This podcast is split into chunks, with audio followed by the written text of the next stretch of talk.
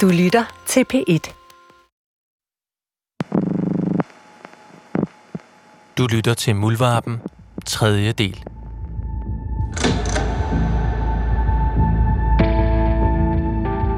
Jeg kan ikke tage med til Uganda, fordi igen, projektet kan ikke tåle at risikere, at jeg bliver set sammen med Muldvarpen eller Mr. James. Fordi uanset hvor lille risikoen er, så er der en risiko for, at nordkoreanerne vil være i stand til at identificere mig. Og hvis de kan det, så ved de godt, hvad klokken er slået.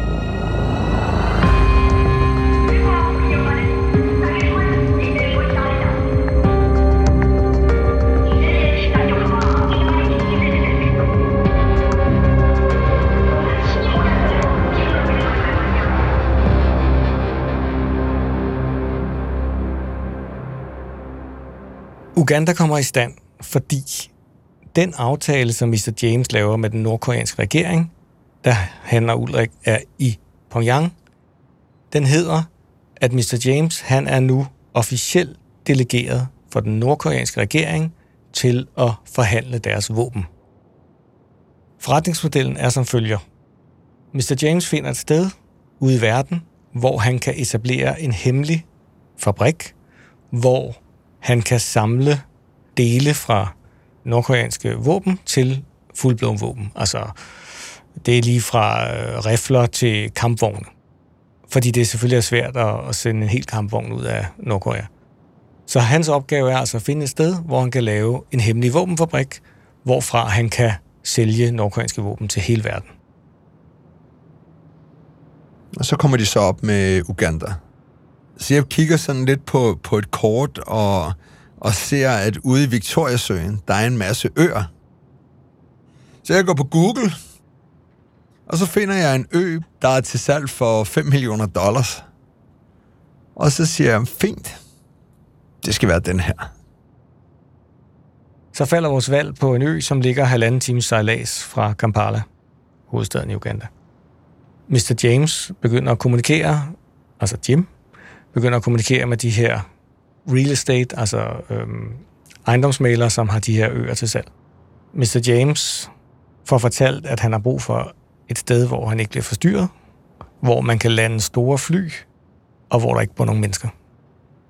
Jamen, så starter jeg jo forhandlingerne med, med de her ejendomsmalere. Og, og nordkoreanerne, de får så at vide, at øh, jamen, så vil vi gerne mødes med dem i Uganda. Og her der er det jo det helt spændende, fordi kan de rejse? Vil de rejse? Fordi man kan jo ligesom sige, at hvis de rejser fra Nordkorea til Uganda, så er de jo interesserede, og så tror de på James. Så, så, så er de mere om, ombord på det her. Og vi tager så derned nogle dage før nordkoreanerne kommer.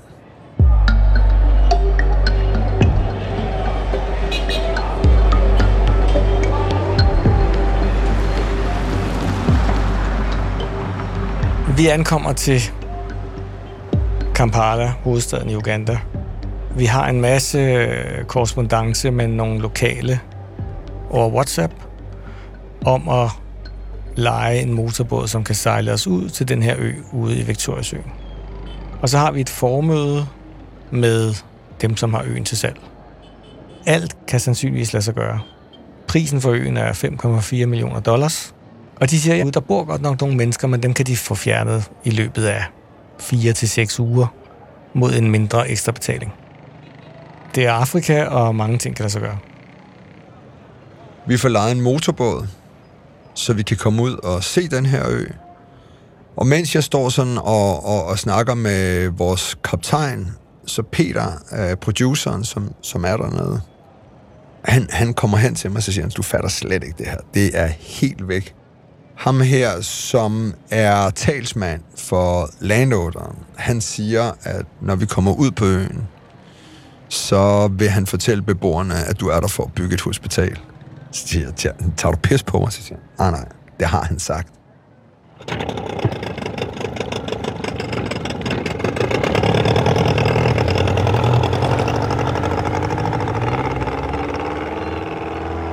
Men vi tager bord på den her båd, og når jeg siger vi, så siger jeg ejendomsmaleren, repræsentanten for øh, ham, der ejer øen, produceren, så har jeg øh, Jonas med, der er kameramand, øh, og så er Ulrik jo selvfølgelig også med. Jeg fortæller de to ejendomsmalere, at jeg er ligesom med på båden med et kamera for at kunne vise fremtidige investorer, hvad de eventuelt køber ind i. Så derfor skal jeg ligesom filme alt, hvad der foregår. Jeg kan huske, at vi sejler ud i den her fine motorbåd. Ud på den her kæmpe, kæmpe sø, som jeg havde en idé om var meget lille, men den er jo gigantisk. De to afrikanske ejendomsmalere, som jo er taget ud af sådan en dårlig krimi, ikke? Den ene øh, mangler tænder, og de er meget, meget, meget øh, mistænkelige omkring mig og mit kamera. Og vi sejler og sejler, tror jeg, i en times tid. Og det er 35 grader varmt, og solen står altså lige over vores hoveder. Det, der gik op for mig undervejs, det var, at ham der, den unge fyr, som sejlede den der motorbåd, han var faktisk helt klar over, hvor den der ø, den lå henne. Og, og der var ret langt ud til den der ø, så der skulle virkelig smæk på, fordi vi var også kommet for sent afsted, og vi skulle nå tilbage, inden det blev mørkt. Så der udspillede sig sådan nogle lidt pussy scenarier, hvor han midt ude på den der sø, hvor man jo nærmest ikke kunne se land mere, altså hvor man virkelig ikke kunne se land mere. Så kommer der sådan nogle to afrikanere sejlende i hver sin lille udhulede træstamme, og så må man ligesom stoppe og spørge dem om vej til den der ø. Hvor man tænker, prøv at høre, vi, vi ligger her midt ude i fucking ingenting, og så stopper du to afrikanere i hver sin udhulede træstamme og spørger, hvor ligger den der ø henne? Og vi, det virker så, i lang tid som om, at de faktisk er i tvivl om, hvad det er for en af de øer, vi baserer, som er den rigtige. Men lige pludselig så rejser den ene af de to ejendomsmælder sig ligesom op og peger ud i horisonten, og der kan vi, ligesom, der kan vi se den her ø ligesom tone frem. Det er jo sådan en, som jeg forestiller mig, sådan en klassisk paradisø, med sådan noget øh, rødbrun sand og palmetræer. 500 meter før, at, at vi rammer øen, kan jeg se inde på land, at der er aktivitet. Det er sådan hele landsbyen, der bare står for at byde os velkommen. Der hele, hele, hele den her ø, ø, øgruppe ved altså, at vi kommer og står klar til at byde os velkommen.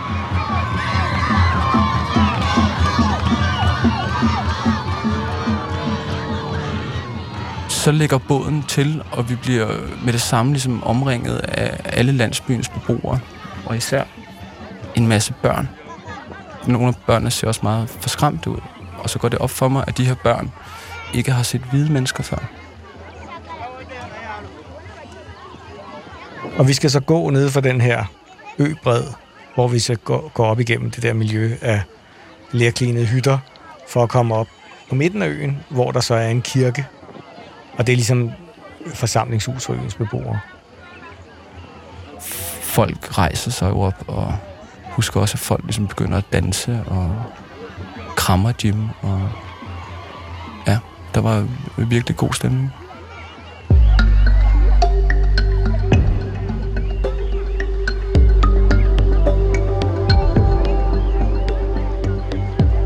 Og jeg står udenfor, og det, den der ø, det er jo sådan en blanding af, af jungle og øh, rød lærjord.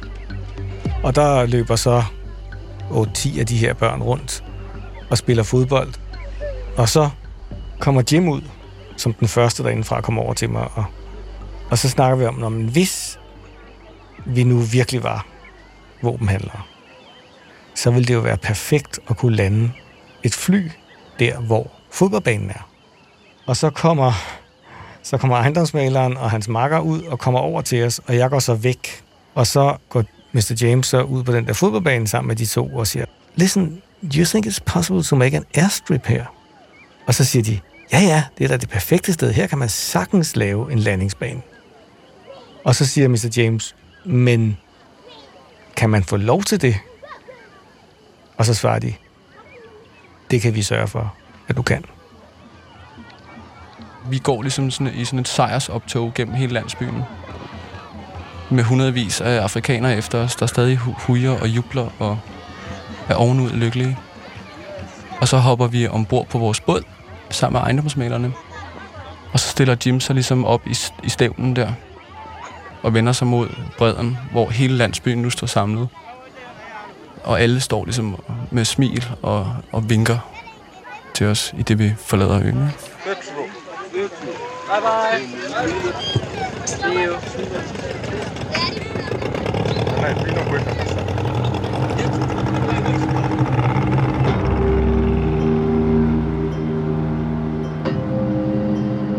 Jeg tror faktisk, det her det er et af de eneste tidspunkter under hele den her filmproduktion, hvor jeg har kunne se i øjnene på Jim, at det havde han det skulle lidt svært med. Altså, at han sidder derude på en total afsondret ø, midt i Victoriasøen, blandt nogle af verdens fattigste mennesker, og lade dem blive bildt ind, at han er en rig forretningsmand, som vil bygge et hospital til dem. Men i virkeligheden, så er han der for at få dem fjernet fra øen, fordi han skal bygge en våbenfabrik. Lige der, der kunne jeg se øjnene på ham. Det havde han det skulle lidt svært med.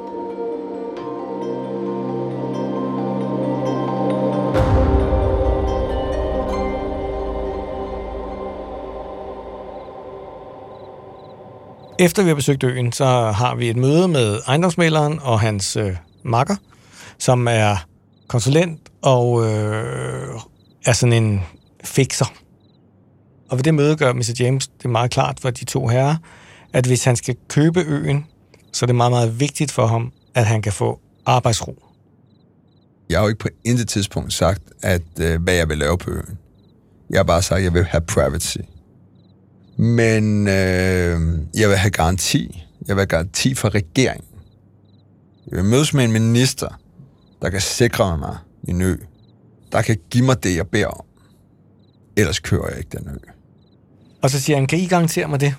Så siger de, jamen det kan vi sagtens. Det kan godt være, at du skal smøre lidt rundt omkring, lægge lidt betaling hister her, men det er ikke noget problem. Så siger Mr. James, men hvordan kan jeg få vidshed om det? Så siger de, jamen vi har direkte kontakt til folk i regeringen, så vi kan bare sætte dig op med et møde fra en, der repræsenterer Industriministeriet.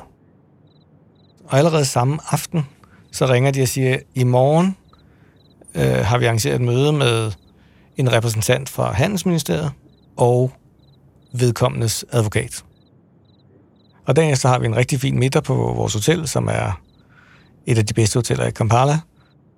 Og lige så mange tjenere, som vi er gæster ved bordet. Så kommer repræsentanten fra ministeriet. Han hedder Moses. Moses er en stor, meget tyk, sort forretningsmand. Men han er sød og rar og imødekommende, og han forstår med det samme, hvad det handler om. Men jeg siger, at jeg vil have Boeing 747, der kan, der kan lande på øen, der kan tage af. Jeg vil have både, der kan lægge til og tage af. Jeg vil være 100% uforstyrret. Og Moses siger, jamen han har forbindelser til, at han kan få udstedt de her license for at kunne lette og lande selvfølgelig, uden at blive spurgt om noget. Ikke noget problem. This bird can fly, som han siger om projektet. Og de siger til mig, men ikke nok med det. Ikke nok med, at vi kan det. Vi kan også have tollerne til at ligge uden for din ø og passe på, at der ikke er nogen, der kommer der til. Så nu har vi ligesom fået sikret øen med regeringen og ejendomsmaleren og, og så videre. Nu, nu, nu har vi ligesom lavet alt hjemmearbejde. Vi har en ø, og vi kan tage ud og se den ø, og de ting er på plads. Nu skal vi bare se, om der er nogle nordkoreanere, der dukker op.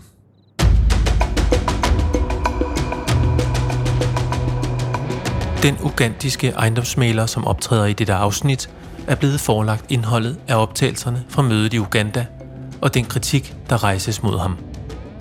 Ejendomsmaleren afviser kritikken og skriver i sit svar til filmens producer, at han ikke kendte til det reelle formål med købet af øen i Victoriasøen, herunder etableringen af en våbenfabrik.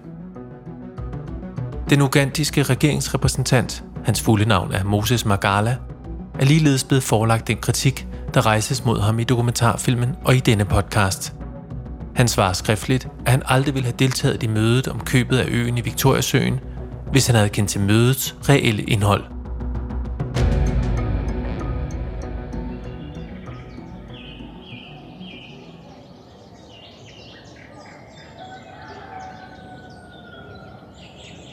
Så er vi jo ret øh, lykkelige over det, vi har fået i kassen. Så går jeg op på Jims værelse for at vække ham. Jeg finder hans skjorte og hans jakkesæt, taper hans mikrofon, skjulte mikrofon på, ind under skjorten. Og i en øh, knappenål har jeg ligesom et skjult kamera siddende.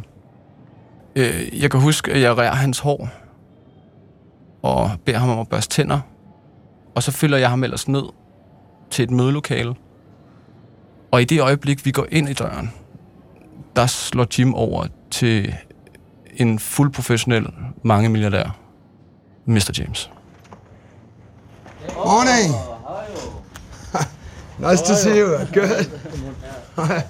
oh, great to see you again. we want the same direction, and uh, the, the two gentlemen here say we, we can, if this fly, we can move very fast. We can get the people out of the island, and we can start.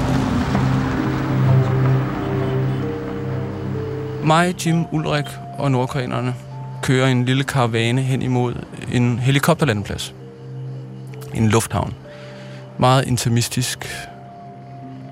En bygning på 100 kvadratmeter og en landingsbane. Planen er, at vi skal med en helikopter flyve hen over den ø, vi tidligere har været ude at kigge på. Så jeg kan filme noget materiale, så fremtidige investorer kan se, hvad de eventuelt køber ind i.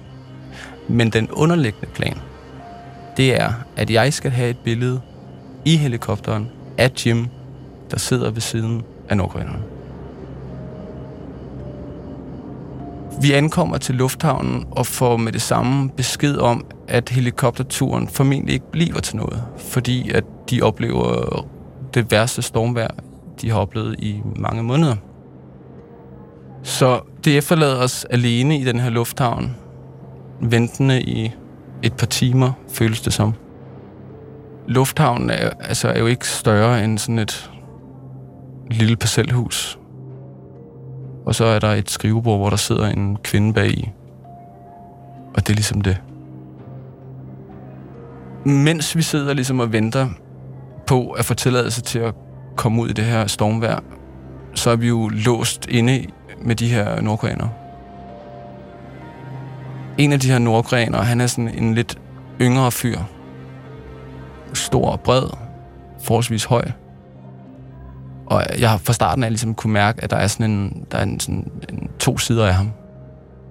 Fordi han isolerer mig ligesom i et hjørne, og begynder at udspørge mig. Jeg vil næsten sige, at det var sådan en decideret afhøring.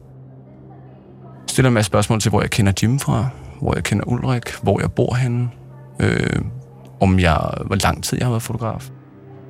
Han vil ligesom se dokumentation for de ting, jeg fortæller.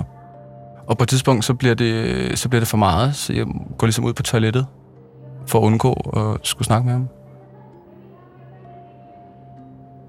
Da jeg kommer tilbage, der, der griber jeg min telefon fra min taske, og så kan jeg se, at, at øh, alle mine billeder er blevet øh, gennemrodet.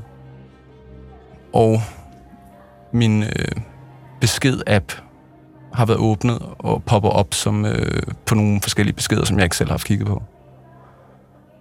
Så imens jeg har været derude, og mens jeg har siddet med min telefon, så har han haft afluret min kode, ikke? Og har så taget min telefon og ligesom begyndt at snuse rundt i, hvem jeg var, ikke? Så der vil jeg meget gerne væk derfra.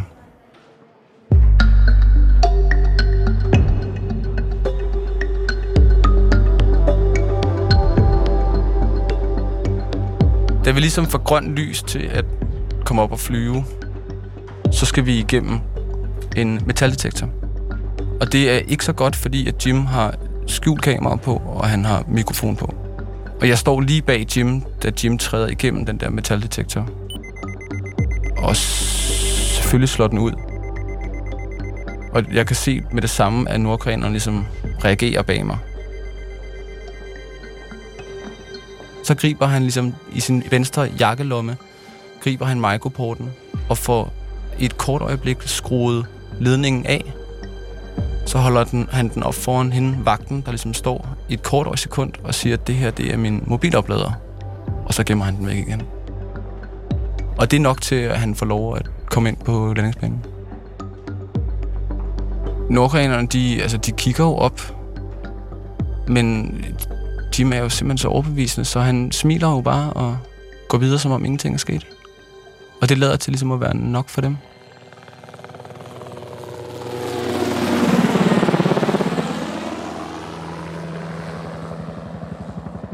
Oppe i helikopteren, der sidder jeg ligesom til venstre med mit kamera. Til højre sidder piloten. Og det er jo perfekt, fordi alt, hvad der skal til for at få det billede, det er, at jeg bare skal vende mig 180 grader, og så filme de tre mennesker. Da jeg vender mig om første gang, for at se, at det nu, jeg skal lave billedet, der ser jeg, at Jim er faldet i søvn op af ruden.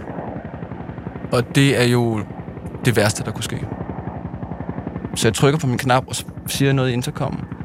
Men så viser det sig, at, at, at alle, alle intercom virker, undtagen min. Så til sidst så ser jeg ikke nogen anden mulighed end at tage pilotens intercom og så råbe virkelig højt. Øh, wow, look at that island. Og Jimmy han springer op.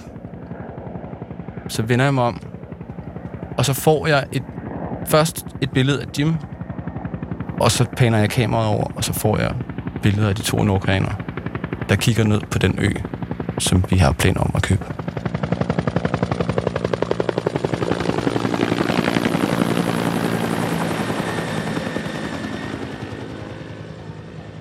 Da vi lander med helikopteren, så kan jeg se, at der ligesom er en interaktion mellem de tre nordkoreanere.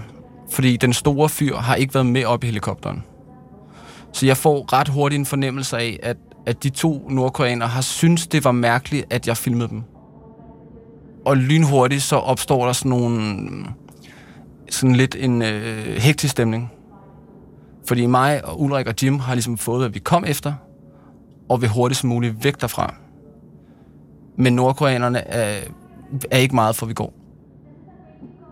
Øh, og det foregår på sådan en underlig måde, hvor de har ekstremt mange spørgsmål, men også på sådan en, en lidt korporlig måde, hvor de står foran døren og vil ikke lade os komme ud. Men i sidste ende kommer vi ligesom væk derfra og tager et fly til Danmark øh, et par timer efter.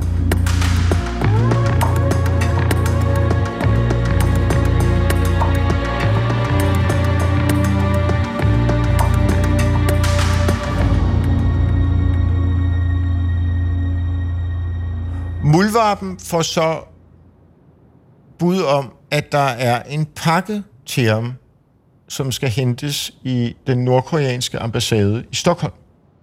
Så der tager øh, Muldvarpen op og bliver modtaget af øh, en diplomat, der hedder Misteri. Og han har så en øh, pakke med affograferede dokumenter, tekniske tegninger, designet af nordkoreanske arkitekter og ingeniører. Der er et øh, design af selve hotellet, som skal ligge på øen. Meget, det ser meget futuristisk ud. Og så er der øh, tegninger og øh, grundrids af anlægget, som skal ligge under jorden, hvor der så skal fremstilles methamfetamin og samles og opbevares nordkoreanske våben. Og øh, Misteri, den nordkoreanske diplomat, øh, siger til Muldvarpen, der er bare lige én ting. Sørg for, at hotellet ikke får et navn, som lugter Nordkorea. Og så siger han, og hvis der sker noget, så kender ambassaden intet til det her. Og så øh, drager Muldvarpen afsted med det under armen.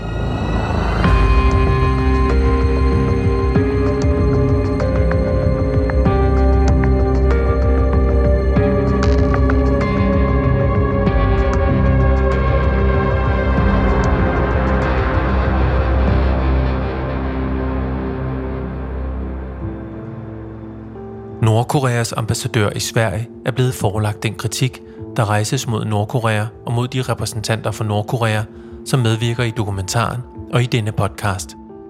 Hverken Nordkoreas ambassadør eller andre repræsentanter for det nordkoreanske styre har svaret på den forlagte kritik.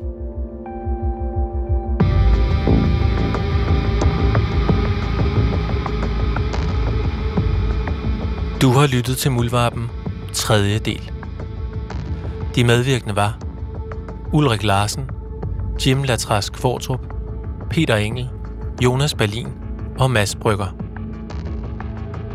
Serien er produceret for DR af Wingman Media.